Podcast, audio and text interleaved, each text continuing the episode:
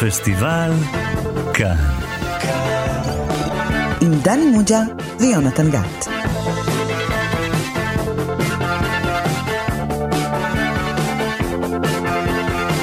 שלום לכם, אתם איתנו שוב בתוכנית הקולנוע המופלאה של תאגיד השידור הציבורי. לי קוראים יונתן גת, ומולי יושב המורה שלנו לקולנוע, דני מוצ'ה. היי דני. שלום, יונתן. למה אתה מדבר בקול כזה צרוד ועמוק ו- ו- ומפחיד? אמ, אמ, הם, דני, הם, או שאתה אומר הם, אני אמרתי, אמ, זה- שזה בעצם רמז Mm. מפחיד מאוד אמ, לזה שאנחנו מדברים על הסרט הזה.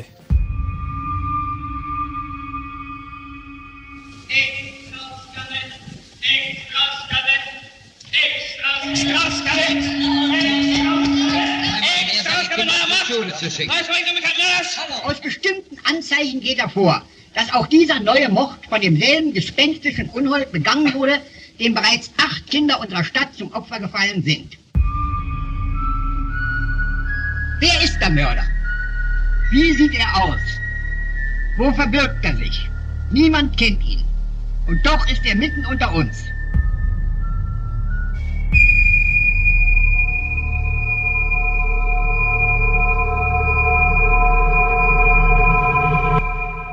כן, שמענו קטע מתוך הסרט אם. עכשיו, קוראים לזה בכל מיני שמות. אם העיר מחפשת רוצח, אם הרוצח בינינו. בכל מקרה, מדובר על הסרט אם של פריץ לנג, הבמאי הגרמני, משנת 1931. דני מוג'ה, הלא עסקנו כבר בפריץ לנג בתוכנית שלנו, ואני מרגיש שיש כזה נטייה לעשות מחזוריישן. אמ, כי לא מגיע לו יותר מסרט אחד? אה, אתה עושה לי נקיפות מצפון? לא, אני, מה זאת אומרת, מחזוריישן, אתה נורא- יודע. נורא פריץ פולני- לנג, אתה נורא יודע. פולני מ- מצידך. פריץ לנג הוא כן. מגדולי הבמאים של עת אחרת, נכון? גם של אה, הסרט האילם וגם של אה, אה, הסרט המדבר. אז בפעם הקודמת דיברנו על סרט אילם, זה היה מטרופוליס, ועכשיו הסרט מדבר. אוקיי, ועוד איך, זאת אומרת, זה ממש סרט שיושב על התפר בין התקופה שהקולנוע הסתגל לתוספת הזאת בקשיים רבים. תמיד ו- ראו את המיקרופונים למעלה, כזה. אה, נסוג אחורה, אה, ו- והם... אנשים היו מדברים למעלה לבום, כן. אז, אז, אז אה, הם הוא אחד הסרטים שגילה את הפוטנציאל, גילה לצופים וליוצרים אחרים את הפוטנציאל שיש בתוספת הזאת, כן? בתוספת של פסקול, והוא עשה את זה בצורה מאוד uh, מתוחכמת, uh, אני לא רוצה להגיד הקדים את זמנו, בגלל שזה היה הזמן, הוא, הוא עושה. ממש ניסיון, הוא עשה ניסיונות של uh, האפשרויות של uh, להקדים את הכל לתמונה, לאחר אותה. רגע, דני, אם אתה אומר. להקדים את הכל, אולי בוא נקדים את הדברים,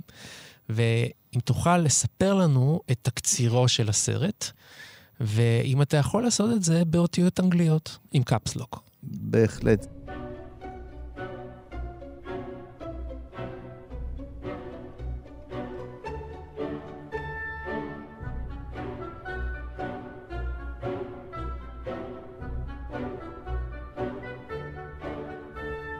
עלילה יחסית פשוטה. יש בעיר רוצח, רוצח סדרתי, שרוצח ילדות קטנות. מהמם. אנחנו מדברים על ברלין. ו... הרוצח מגולם על ידי פיטר פיטר לורה. לורה. כן, ופיטר לורה הוא, הוא באמת, אה, הסרט הזה עשה אותו מהמם. בעולם כולו, אפשר לו אחר כך להגר לארצות הברית. בכל אופן, כמו פריץ לנג, גם פריץ לנג היגר לארצות הברית לא מעט זמן אחרי הסרט הזה. בכל אופן, כן.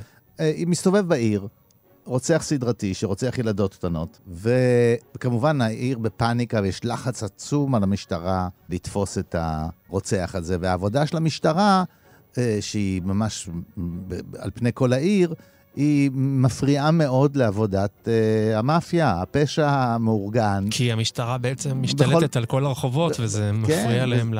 כן, ו- והם לביזנס. והם יודעים שהם יעילים יותר מן המשטרה, ובאמצעים שלהם גם הם יוצאים לחפש את הרוצח הזה. והרוצח הזה ממשיך לעשות את זה, הוא, בגלל התכונות שלו, הוא גם מפליל את עצמו, הוא נוטה ככה לשלוח מכתבים, וזה לא בעצם בלתי אפשרי לתפוס אותו. הוא לא מאוד מאוד מתוחכם, ובסופו של דבר הראשונים לתפוס אותו הם אה, העולם התחתון, והם אה, גם אה, מחליטים לשפוט אותו. הם טוענים שיש להם ידע רב בתחום. ועד שגם מגיעה המשטרה בסוף, ותופסים את הרוצח, כמו שצריך.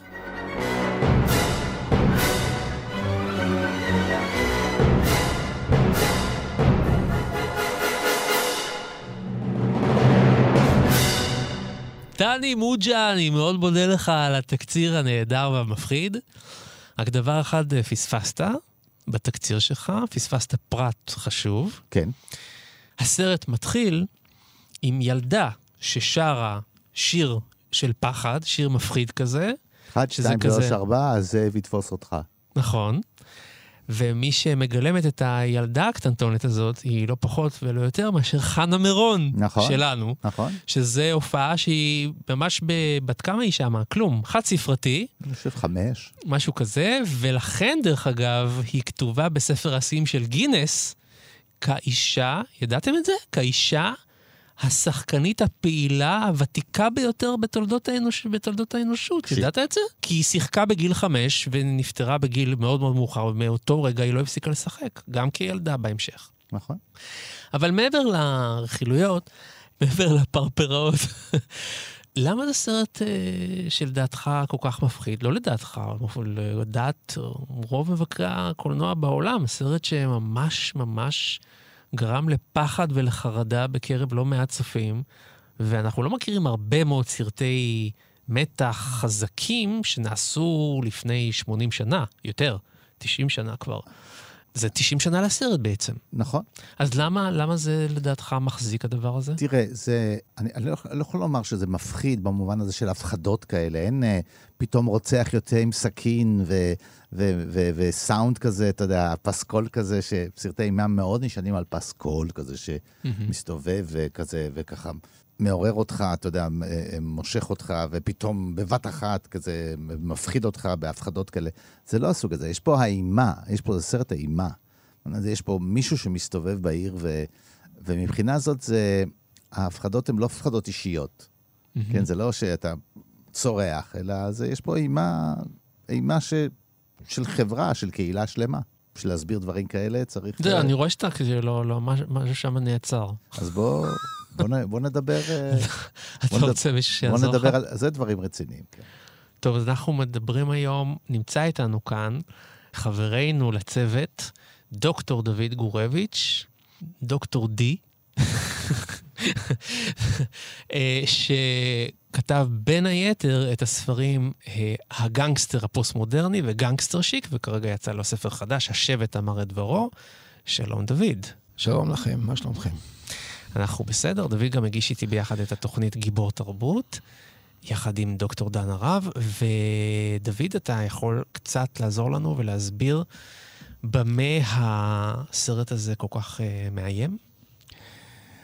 אני חושב שכדי להבין למה הסרט מאיים, או על מה הוא מאיים, צריך להבין את הסטרוקטורה של הסרט הזה.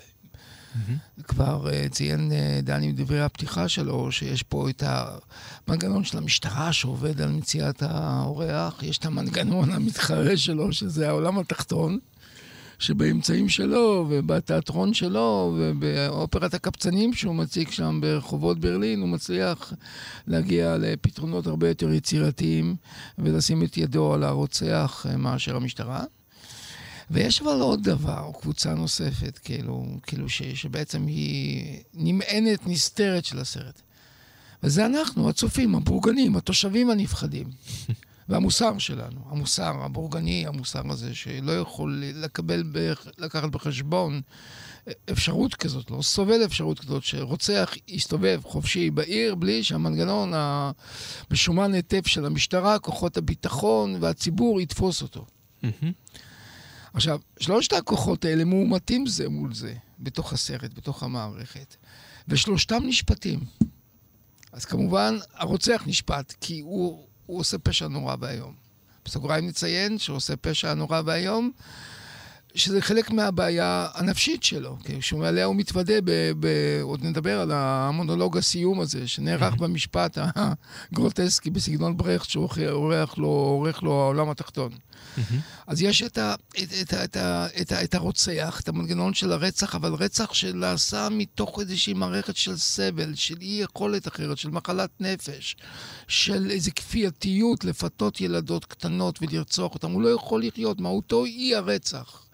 משהו שהייתי אומר, אומר לא על הגבול של הרשע המוחלט, אלא הגבול של התמימות חסרת האונים של הרוצח, שמכיר בכך שהוא לא יכול אלא לרצוח, אין לו... כוחות גדולים ממנו נמצאים. זה היה כאילו המערכת הזאת של המופרעות והרצח, שנידונה בצורה מאוד אמביוולנטית. יש את המערכת של העולם התחתון, שזו מערכת משומנת היטב, שזה בעצם יוצרת אירוניה ופרודיה של עבודת המשטרה המסורבלת, הלא מצליחה, וכמו שמקובל ב... מוסכמות של סרטי הבלשים והסדרות המשטרה, שתמיד המשטרה נמצאת צעד אחד אחורה, אחרי האנשים היצירתיים, הבלשים האלה, פורצי הדרך, קלינט איסטוודים, ובמקרה הזה העולם התחתון. כן. אז המשטרה זה המערכת השנייה, הכוחנית, האגרסיבית, האלימה. אז יש את האלימות של הרוצח, הבעייתית וניתנת להבנה, יש את האלימות של הממסד, של המשטרה, ויש את האלימות הגרוטסקית, ההומוריסטית של העולם התחתון בהיררכיה שלו. עכשיו, שלושת המערכות נשפטות בעיניי, נקודת מבטו של האיש. זה לא רק הרוצח הוא שעומד למשפט החברה. החברה, בחוסר הרחמים שלו, בפסיכוזה שלה שהיא דולקת אחרי הרוצח, בסצנות ההמון המדהימות שיש שם. שם למדנו בעצם על המושג ההמונים של המאה ה-20. Mm-hmm. על התחושה שאנשים מאבדים צלם אנוש כשהם נכנסים לתוך ההמון והופכים להיות איש ההמון, שהזיעה, ההתלהמות והרצון לתלות מישהו מחברים ביניהם. ויש את המערכת של, של, של המשטרה. ויש את העניין של העיר הגדולה שנכנסת ללחץ כאשר אירוע מחריד כזה קורה בה, כי הכל, בעיר הגדולה הכל תלוי על חוק וסדר, כי מערכות של כבישים צריכים לעבוד, מערכות של סדר, זונות צריכות לעבוד בברים שלהם, משטרה צריכה לעבוד ברחובות האלה, ואסור שהיא... מערכת אה, שתופרה... תצא מאיזון. מאיזון, ובאמת הרוצח מוציא את המערכת מאיזון. זה כמובן האירוני והפרודיה שמערכת העולם התחתון היא חלק מהאיזון של העיר הגדולה, לא משהו מנוגד, אבל כשהרוצח נכנס הוא גם מערער גם את המשטרה וגם את העולם התחתון. עכשיו, כששלושת המערכות האלה עובדות אחת מול השנייה, אז זה בעצם אה, הופכות להיות בעצם אה, השתקפות של אחת של השנייה. Mm-hmm. הרצח של האומלל, האיש האומלל הזה, הרוצח, חוסר האונים הגרוטסקי של המשטרה והתחכום הפרודי של הגנבים, של הפושעים, של מערכת העולם התחתון. עכשיו, האימה ששאלת אותה בהתחלה, שדיברת עליה, ישנה בתוך הסרט הזה. אבל היא נעשית על ידי כך שרואים כמו בפילם נוער את הסילואט של הרוצח משתקף את חלונות הראווה, רואים mm-hmm. בנאום גב כזה, שומעים את המנגינה המפורסמת מפרגינט, שזה המנגינה של הרוצח על דין הנפש. כן. שמזכיר אגב בסוגריים את מסיה ורדו של... של צ'פלין. של צ'פלין, אחת מיצירות המופת של צ'פלין, הפחות ידועות. יש משהו עדין פיוטי, מעורר רחמים ומעורר הזדהות ברוצח, בסוגריים אומר לנו זה. ואז אנחנו רואים את כל זה, ויש את התחושה הזאת של כל האמצעים, של המתח, של הנוער, של הסילואט, של, של אנשים נחרדים, של סצנות המון של אנשים פעורי עיניים מול ההודעות בשחור לבן שמודיעות על פרסים בסכומים אדירים לרוצח. אז יש את האימה, אבל האימה מאוזנת על ידי הומור, אירוניה. וסאטירה חברתית מול כל הממסדים האחרים. אז אתה רואה, זה גם סרט פוליטי, זה גם סרט סאטירי, זה גם סרט אימה, אבל זה סרט שנוגע ללב, כי הוא שואל אותנו, מה הם בעצם המערכים המוסריים, הממשיים שלנו. Du hast aber einen schönen Ball. Wie heißt du denn? Elsie Beckmann. Elsie! Elsie! Elsie! Elsie! Elsie!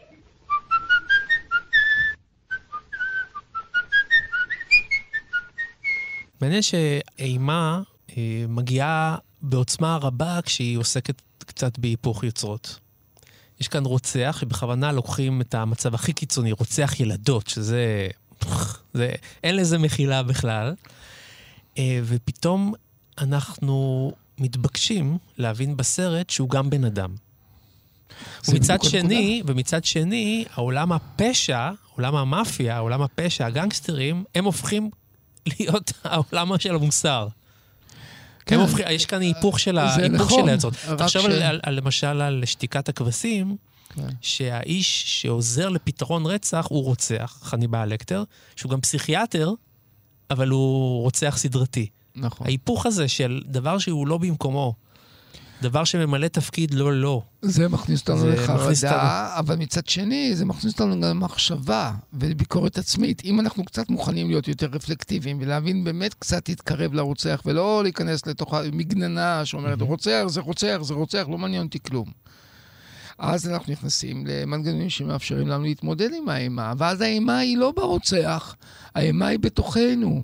האימה היא הח- החרדה הזאת הגדולה, חוסר הביטחון הבורגני, התלות של, ה, של הסדר הציבורי בכך שהמנגנון יעבוד בדיוק לפי המקומות שלו, ויהיה יכולת לאלתר ולעמוד במצבים בלתי ידועים, או מצבים שמאיימים בתוך מערכת כללית חברתית. אז אה, אנחנו פתאום מתמודדים עם עצמנו, עם המצפון שלנו, עם הדמיון שלנו, עם המופרעות שלנו, עם ההתלהמות שלנו, עם, ה... עם ההמון שבתוכנו, אתה מבין? אז זה האימה נכנסת פנימה, הוא כן. מביאה אותנו למחשבה. וברגע שהאימה מביאה אותנו למחשבה, אנחנו נמצאים במקום של ברכט. זה בכלל לא רחוק מאותה תקופה. על תמיד ביקש. לא, לא, לא להרגיש, הוא רוצה לחשוב, שאנשים יחשבו אינטלקטואלית על הסיטואציה. אז זהו, ברגע, ברגע ש... נכון, אז ברגע שהם יזדהו קצת רגשית עם הרוצח, אז הם יתחילו לחשוב מחדש על כל המערכת. מה הפחיד את האנשים בפסיכו של היצ'קוק? הפחיד שזה לא איזה science fiction, אלא שיש בסוף איזשהו גם איזה הסבר פסיכיאטרי. עזבו שזה היה מופרך, אבל שיש איזשהו הסבר על הנושא אה, הזה של פיצול האישיות. פיצול האישיות. זה השאיר את הסרט המון המון זמן. זאת אומרת, הקהל מקבל איזה סוג של justification, לא משנה אם זה לא מוצדק, אבל הוא עדיין מקבל סוג של אשרור לזה שיש אנשים כאלה, וזה מה שהם עושים. וצריך לדעת שזה, שזה קורה ויש לזה סיבות. זה זאת אנחנו הסרט, לא יכולים זאת- לסבול. זה חלק מהסרט, זה לא הנושא היחיד של הסרט, אבל באמת, לקראת סוף הסרט אנחנו מדברים על אה, מצב שבו השופטים, שזה אה, אנשי הפשע, צריכים לדון בשאלה העקרונית הזאת. הם שואלים אותו, מה אתה, אתה רוצה, כשאתה אומר שאתה מוכרח, כשאתה אומר שאתה מוכרח לרצוח, שאתה לא יכול לשלוט בזה, מה אתה רוצה? אתה רוצה להגיד לנו שאתה חולה נפש, ואז לא נשפוט אותך? ואז אומרים, אנחנו מכירים את זה, אתה תיכנס לבית חולים לחולי נפש, ואחרי כמה אה, יגידו שהבראת, ותצא החוצה, ואז תמשיך לעשות את הדברים האלה. לא, לא, לא, אדוני, אנחנו מכירים את זה. אני, יש לי ילדה קטנה, לי יש ילדה קטנה. הם לא מופיעים שם כאנשים שהם פושעים, ואתה אתה מטריד אותנו, אז בוא נסלק את הבעיה. זאת הסיבה שהם יצאו, אבל כשהמשפט נעשה, אז הם טוענים את הטענות האלה, באמת טענות משפטיות. יש לו סנגור, הם, הם מסדרים לו סנגור, כן, שהוא טוען באמת טענות מסוג זה, כן? הוא מייעץ לו, הוא אומר לו, לא הייתי מדבר ככה, כן הייתי, זאת אומרת, זה באמת, יש בהם איזה לוגיקה, עכשיו אנחנו, כן? וזה באמת, המשפט הזה הוא, הוא מטאפורה לכל הסרט, כי כשדיברתם על העניין של ההמון, אז באמת, יש פה את ה... העיר מחפשת רוצח, יש פה אה, איזה אה, קהילה שלמה, יש היסטריה המונית, הס- הסרט מתחיל בהיסטריה. זאת אומרת, כן. אנשים צורכים, ממלאים את כל המסך, וככה אה, פריץ לנק עובד. פריץ לנק עובד בוויזואלית. המסך מלא והמסך ריק. המסך מלא והמסך עם איש אחד. למשל, המשפט הזה, פעמיים, יש שם רגעים כאלה שבבת אחת כל המסך מלא בפרצופים. אנשים, כן. מלא בפרצופים של הפושעים הזה. פעם ראשונה כשהוא נכנס, הוא נזרק לתוך אולם, לתוך מרתף, הוא נזרק למטה לתוך מרתף, ואנחנו רואים אותו רק, ואז הוא מסתובב, ואנחנו רואים איך הוא מגיב, ואנחנו עוד לא יודעים מה הוא רואה, ואז רואים מסך מלא בפרצופים. מהמם. שזה כל, חלק אנחנו מכירים, מזהים כבר אם זה גיבורים, וחלק זה אנשים שהיו אולי בסרט ניצבים, אבל לא ראינו אותם, וממלאים את כל, לא את החדר כולו, זה בעלילה. הם ממלאים את כל המסך. מהמם. ככה הוא עובד, אה, פריץ לנג. הוא, החלל ש- שהוא הוא עובד איתו, זה לא רק החלל, ה, נקרא לו ריאליסטי, החלל שהוא מדמה, כן? העיר והרחובות, וה, אלא זה החלל של המסך. הוא עובד מאוד מאוד עם המסך, וזאת הגדולה שלו, זה סרט מאוד ויזואלי. מאוד ויזואלי. טוב, זה הוכיח לנו את זה כבר אה, בסרטים קודמים כמובן, שהוא לא משאיר פינה בסרטים תשמע, שלו. כשמישהו גדל על סרט אילם, מה היה לו? לא היה לו סאונד, נכון. כן? וזו בדיוק הבעיה, כן? פה הוא גם מצא פתרונות של סאונד, אני מקווה שנוכל לדבר על זה, עושה עם איזה דברים מאוד מעניינים, אבל המסורת הזאת של אה, האקספרסיוניזם הגרמני, כפי שהוא בא לידי ביטוי בסרטיו, הסרט הזה יש בו הרבה מ... מ אה, אתה יודע, אבי אבות האקספרסיוניזם הגרמני, זה הקבינט של דוקטור קליגרי. כמובן. ש- גם על זה הקדשנו תוכנית. שם, גם שם, להקשיב. באמצעים אחרים, כי שם הצד ה... איך נקרא לזה? הצד האסתטי, האקס, האקספרסיוניסטי, הציורי אפילו. הציורי, הדו-ממדי, עניין אותם יותר. גם לא היה להם אמצעים לעשות זה סרט מאוד אולפני, ולא צולם ברחובות וכולי וכולי. אבל אם מספרים את העלילה, אז יש את הסצנה הזאת שכל העיר רודפת אחרי הרוצח הזה. נכון, נכון. כל העיר, שם זה שמונה ניצבים. פריץ לנג יודע שהוא רוצה לעשות קולנוע שיש בו היבטים ריאליסטיים ממש. האיש הזה יודע להביא אלפי ניצבים, אם בוודאי. הוא רוצה. פה הוא לא היה צריך אלפים, נכון, אלפים, נכון. כן, חוץ מבלונג שוטים כאלה, חצי דוקומנטריים כאלה, שהוא מראה מכוניות וכולי, אבל... כן, אז, הוא, אז המסורת הזאת של, של, של כל העיר רודפת אחרי, יש מישהו ש... וגם שתופסים את האיש הלא נכון, ושזאת תחבולה נהדרת, כי אם תופסים איש, איש לא נכון, אז נרגעת, העיר- נרגעת לרגע, החיפושים נרגעים לרגע, ואז הופ, יש עוד אחד. יש עוד מת, יש עוד קורבן. איזה עוד סרט זה מזכיר לך? חוץ מזה? מלטעות. אה, נכון, זו דוגמה, זו השפעה תופסים יפה. את הכריש הלא נכון. תופסים סרדין. לא, כן. באיזשהו שלב הם תופסים כן, כריש כן. שלא נכון. ההשוואה, אגב. באמת ל... ל... למלטעות וסרטים מהסוג הזה היא נכונה, מפני שמלטעות, בדיוק כמו הרוצח, מייחס, בעצם מתמצת את יסוד החרדה שבתוכנו. את אי היכולת לקבל את הזר, את המבעית, את המפלצת. אוקיי, המילה מפלצת היא מילה מובילה גם במלטעות. ולכן זו האסוציאציה הייתה מצוינת. וגם הפוליטי, גם הפוליטי. יש העניין הפוליטי. מה זה אומר? נודיע, לא נודיע. אה, יש פה אינטרס כפול אה, ל- לשלטונות. אנחנו, במצ- האם אנחנו נבהיל את הציבור וככה הם לא ילכו לים ונגמור את או. התיירות? או מוות בוונציה, נודיע למגפה ונגמור עם התיירות לוונציה, או שניתן לאנשים לגבוע במוות, העיקר למה אתם- שימשיכו למה- לשלם. למה אתם הולכים כל כך רחוק? מה עם הקורונה? נודיע או לא נודיע? יש קורונה, יש תיירות, לא נפגע נכון. בתיירות, לא נפגע בתיירות. נפ- זאת אומרת, נרצה זה- לשלוט בציבור או לא לשלוט אה, בציבור? כן, כן, תו אה, ירוק. בדיוק, בדיוק, זה בדיוק העניין הזה, אתה יודע, של, של איזשהו איזון שה, שהפוליטיקאי נדרש לו. היתרון של אה, כשמי שעושה את הפוליטיקה ומבצע אותה, זה עולם הפשע, אין לו מעליו מישהו שמתלבט. אין שם מערכים כפולים, יש לו אינטרס ברור, הוא צריך לפעול בשם האינטרס, ואז, הוא, ואז בסדר, אם צריך לשפוט, אנחנו נשפוט, אם צריך לחסל, אנחנו נחסל, אבל במקרה הזה הם הולכים על, ש... על שיפוט והם לא יורים בו.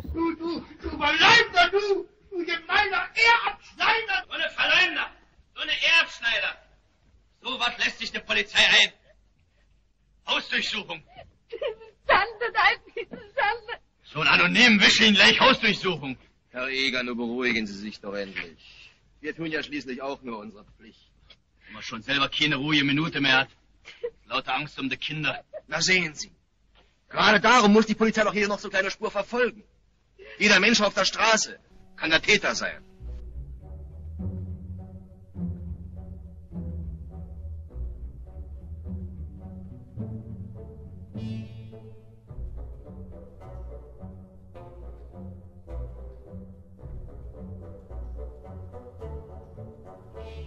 כמו שציינת, וזה נכון, אחד הדברים שמפתיעים אותנו במשפט, שזה לא משפט מבוים כביכול, יחסית, וציפינו למין גרוטסקה מוחלטת, שעושים צחוק מהעבודה, תולים אותו מיד, או מביאים לו איזה נימוקים גרוטסקיים. זה לא לינץ'.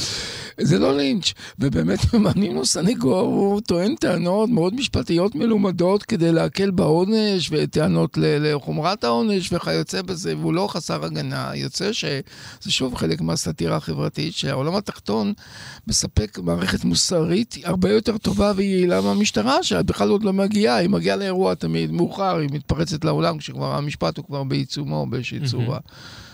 אז אה, אם העולם התחתון הוא יותר מוסרי מהמערכת הבורגנית הרשמית, איפה אנחנו נמצאים בדיוק? העניין של היפוך יוצרות, היפוך הדברים האלה. אז זה דבר, זה דבר אחד. ודבר שני שאני רוצה להגיד, אבל המילה מפלצת. אני חושב שזאת מילה מובילה. עיר מחפשת רוצח זה כמו עיר מחפשת מפלצת. כמו שאמרת, יונתן, המפלצת הכי נוראית זה רוצח ילדים. הוא גם, הוא רוצח את האנשים הכי חסרי אונים, את ה... שמוריד בנו את האימה בתואר שלה, כי כביכול הילדים לא עשו להם שום דבר. מתי אנחנו פחות פוחדים? אם מישהו רוצח, חיסול חשבונות, יש איזו סיבה, נאמר, טובה לבן אדם להתנקם במישהו, אבל מה יש לו להתנקם בחנה מרון, קטנה, ששרה את הק- על הטבחית השחורה, שירים שגם עולים יפה מאוד בגינטר גראס, המסורת הגרמנית של שירי האימה, המסורת הגרמנית בכלל של סיפורי האימה, שעכשיו הופכים להיות סיפורי ילדים. עכשיו, אה, מי, מי שנמצא שם, בתוך הרעיון הזה של הטבחית השחורה הגרמניה, זה גינדרגרס, המושג הזה, טבחית שחורה, והמושג השני הזה של, ה, של המפלצת, אז, אז, אה, אז הוא מוקם מתוך הסדר החברתי, וככה החברה רוצה לשפוט אותו, ואפילו המערכת התת-חברתית, כלומר, מערכת הפשע ככה גם רוצה לשמור, לא, לא, כי גם לנו יש משפחות, הם אומרים, אתה זוכר? לנו יש ילדים, לנו יש- ומי מדבר? ראש, ה- ראש העולם התחתון. כן. כביכול הם לא מעוגנים מספיק, המערכת לא מגינה עליהם. תפקידנו לגנוב ולעבוד עם הזונות, תפקידכם להגן על ילדינו הטובים, שבדיוק ככה כמו שבבוקר הם שולחים את הילדים שלהם לגנים, בערב הם עובדים בבורדלים של, של ברלין. והמערכת הזאת, היא, היא מתייחסת לעניין הזה של, ה, של, של, גם היא של המפלצת. אז בעצם המפלצת זה האחר האולטימטיבי. ככה אני רואה את המפלצת, וככה לדעתי הוא מצויר בסרט אם. משהו שהוא הכי הכי מסליד, הכי הרבה שונה, הכי הרבה מעוות, הכי הרבה מפחיד, והכי הכי הרבה נוגד את הערכים שלנו. את הערך היסודי שזה נוגד, זה את הערך הרציונלי, את היחס בין סיבה לתוצאה. אין אצל התוצח, הדין הנפש הזה, הפיוטי, כמו שאתה אמרת, הוא אומר את המילים האלה, אני חייב, אני מוכרח, אני לא יכול אחרת, אני לא יכול... איש מוס, איש מוס. איש מוס, כן, הוא חייב. עכשיו, את, ה, את ה, הדבר הזה מערער אותנו לגמרי. כי אנחנו רוצים להגיד שהרוצח הוא רוצח, קר נפש, אנחנו צריכים להסתכל עליו ברחמים, לתת לו יותר מדי, פשוט להוציא אותו להורג, ובזה לטהר את הכל ולהשיב, את הסדר לקדמותו. אבל לא זה. המחלת נפש היא בתוך היחיד, בתוך החיים שלנו, בתוך החברה, בתוך הניכור הכללי שהרוצח חי, שגם האחרים חיים בתוכו, באותו סדר גרמני כל כך נוקשה, בית ספר, ילדים, מעבר את הכביש, הסצנות הראשונות שפותחות את הסרט. והכל מסודר ומאורגן. עצם היום הזה, אתה בא לשם, לגרמניה, הכל מתקתק. מתקתק יותר מדי טוב.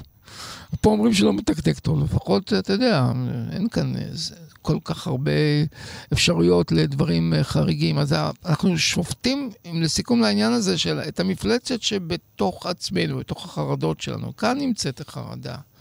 בזיהוי היכולת שלנו להתמודד עם המפלצת. המפלצת זה, זה כאילו שעטנז של המון דברים ביחד. זה מה שמרכיב מפלצת. היא קצת אנושית, היא קצת לא אנושית, היא קצת כזאת. מה זה מפלצת אמיתית? זה לא איזה אריה או נמר, זה לא מפלצת. מפלצת זה ספינקס, זאת אומרת, היא קצת נמר, היא קצת יונה, היא קצת, אה, אני יודע, היא שעטנז של דברים, היא היברידית. ההיברידיות מפחידה אותנו. זאת אומרת, הוא גם יכול להיות חולה, גם מסכן, גם חלש, גם פיוטי, גם מעורר רחמים וגם מסוכן ומאיים ביחד. אז איך נתמודד עם זה? כאן השאלה מוגשת לצופה. הוא גם לא מאוד גבר. אה, אה, הוא פעמיים לא גבר. הוא פעם אחת לא גבר כי הוא ילדותי, ופעם אחת הוא לא גבר כי הוא לא וירילי, יש בו משהו קצת אה, נשי כזה, קצת אה, רך, קצת אה, גינונים כאלה.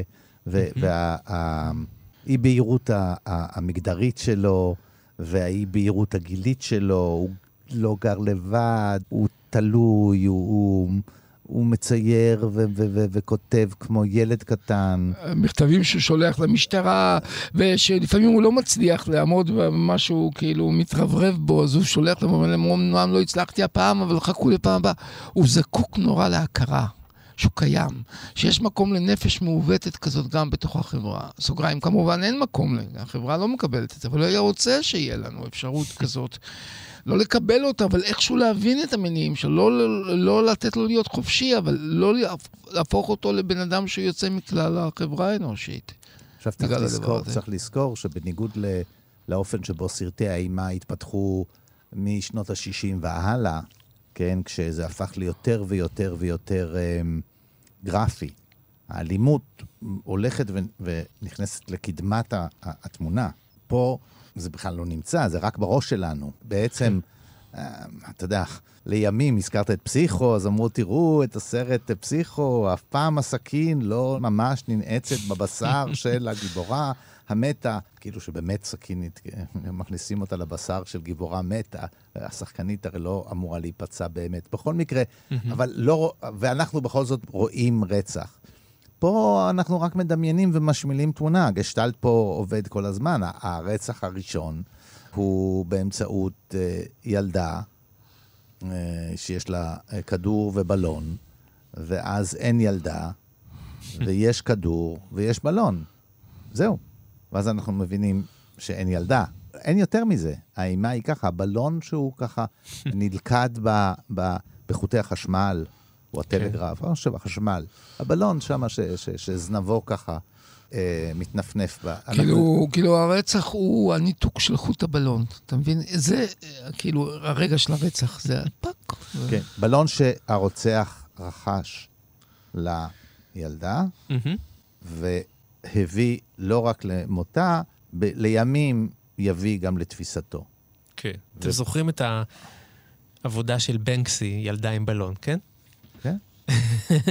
בדיוק ברגע של הניתוק מהבלון, מהיד שלו. אז, אז פה הגדולה של הסרט. פריץ לנג זה, זה, זה לא רק הז'אנר שהוא מתחיל אותו, זה יש פה העבודה שלו, גם בגלל שהוא חשב הרבה, אז מה אני אעשה עם הסאונד, וגם איך שהוא עובד עם, ה, עם התמונה. הזכרת את הצללית, אז נגיד הופעתו הראשונה של הרוצח. אז הוא מופיע ב, בייצוגים כן, זה באמת, אפילו נוער הרי אוהב לייצג באמצעות הצל או הצללית. אז פה זה סדרה של ייצוגים.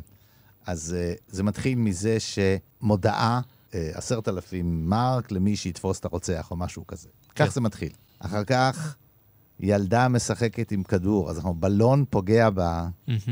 כן, יש מפגש בין הקורבן לעתיד, ל... ואז נכנס צל עם כובע על המודעה. אז כבר יש לנו את הרוצח פעמיים, כן? פעם בצילו ופעם במודעה.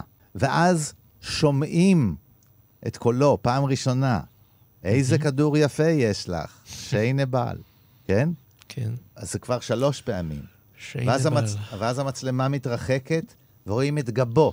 רק בפעם החמישית הוא מופיע גם בפניו.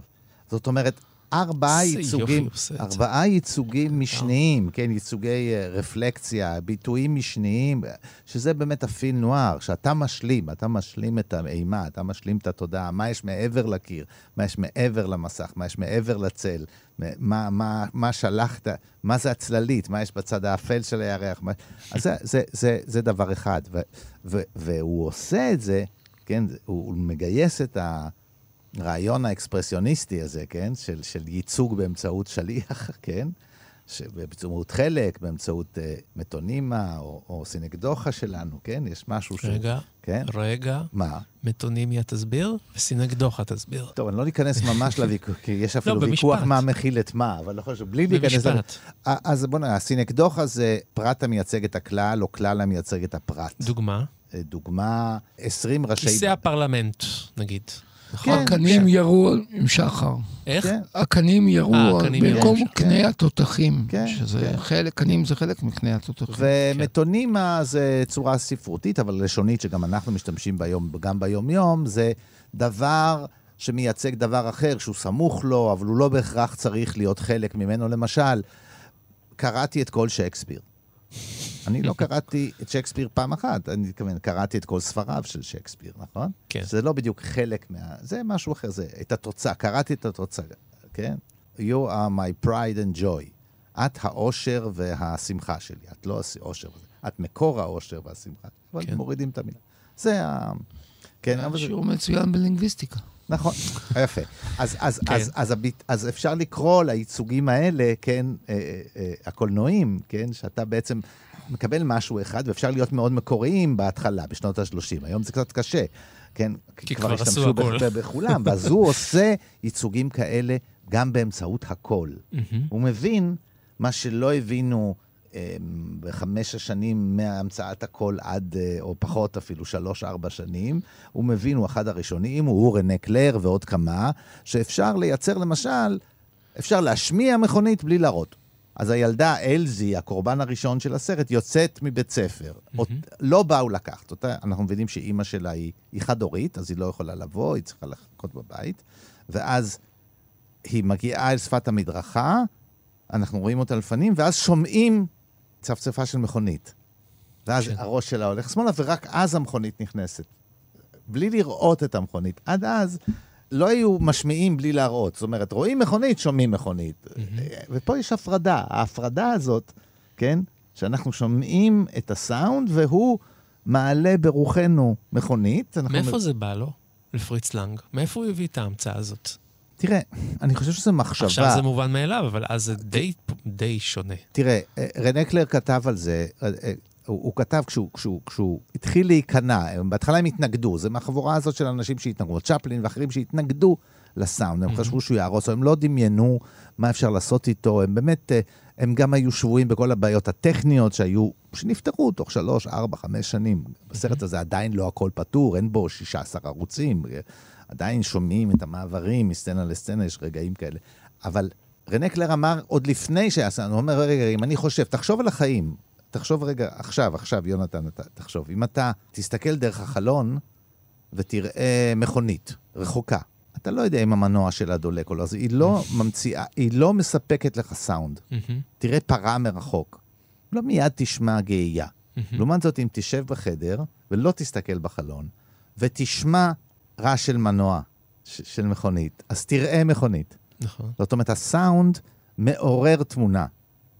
וזה זה בחיים, בדרך כלל אנחנו... והתמונה לא מחויבת לא לסאונד. מחייבת, לא, אתה יכול לראות משהו, ואתה לא לש- לשמוע ולדמיין. תחשוב, אנחנו שומעים ואז מפנים את המבט. מהמם. אנחנו לא רואים ואז מקשיבים.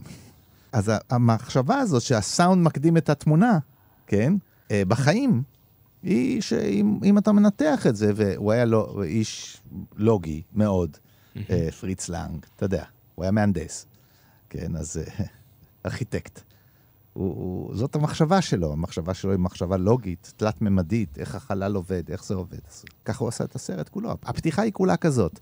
הפתיחה היא כולה כזאת, וגם האירוניה הנפלאה והציניות. הפתיחה של הסרט, שהזכרנו את השיר, מהמם. אז- אז פנטסטי. פרגינט. כן. אה, לא, לא, לא, אה, השיר של הילדות, אה. כן, הטבחית השחורה. אז- מישהי אומרת, תפסיקו כבר עם השיר הזה. נכון. ואז השכנה אומרת, כל עוד אנחנו שומעות אותה שרות את השיר הנורא הזה, אנחנו יודעות שהם בחיים. הנה התפקיד הכפול של הסאונד. הוא גם מפחיד אותנו, אבל הוא גם סימן לחיים. יפה. זה ככה כל הסרט, ככה כל הסרט, זה כל... זה גאוני. אתה הזכרת את פר גינט, אז, אבל זה נפלא שהשיר הזה הוא לא רק ה- ה- מחול הטרולים, כן? מחול הטרולים הזה, אבל נכון. הוא גם מח- מחול של... פעם, פעם, פעם. ומה זה הטרולים? זה שדי היער, זה נכון, השדים נכון, של היער. אבל זה גם מה. שמסגיר אותו, מה שמסגיר אותו, כי, כי, כי כשאתה עומד ליד מוכר עיוור, כן? מוכר עיוור, אתה חושב שאתה מוגן, אבל המציאו את פס הקול, אומר פריץ לנג, והוא התחיל לעבוד בקולנוע, והעיוור מזהה את השריקה שלו. והוא ככה מפליל אותו. אז, אז זה עובד גם נגדו. זה, זה, פריץ לנג מגייס את כל הערוץ הזה לטובת הסרט.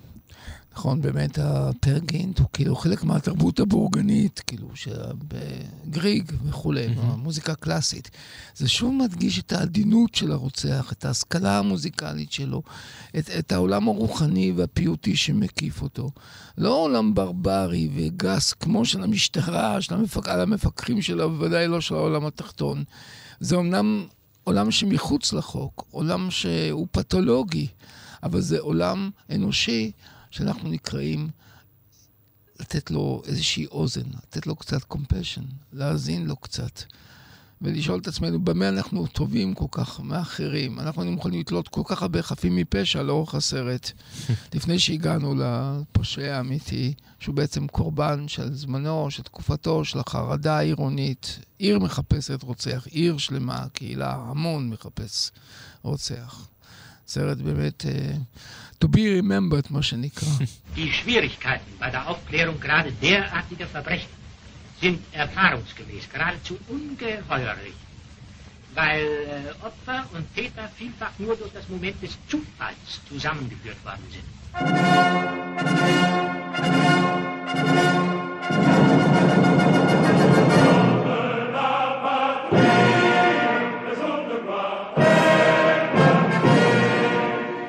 סיימנו, אבל זה לא הכל, כי לפסטיבל כאן יש עוד הרבה מאוד תוכניות שמחכות לכם באפליקציה שלנו שקוראים לה כאן, או בכל אפליקציית פודקאסטים שאתם בוחרים.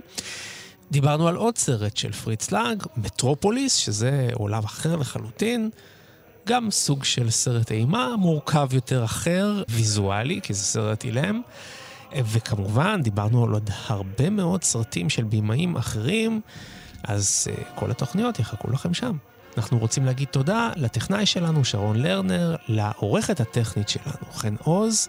אנחנו רוצים להגיד תודה לדוקטור דוד גורביץ', מי שכתב את גנגסטר שיק והגנגסטר הפוסט-מודרני, ועכשיו עם הספר החדש, השבט אמר את דברו. אנחנו אומרים לך את דברנו. תודה, דוד. ואני אומר לכם תודה, יונתן, ואני כרגיל היה עונג. אני הייתי יונתן גת, ודני מוג'ה, אל תשכח את המעיל שלך. נדמה לי שיש איזה משהו שם כתוב. בכל מקרה, תיקח, תיקח את המעיל שלך, כתוב שם את השם, את האות הראשונה של שם המשפחה שלך, אם. אם, העיר מוג'ה. מחפשת את מוג'ה. אנחנו נמשיך לחפש אותך, דני, גם בשבוע הבא, עם אה, סרט מופת נוסף, שעליו אנחנו נדבר בתוכנית שלנו. אז נתראה, ביי ביי. להתראות. ביי ביי.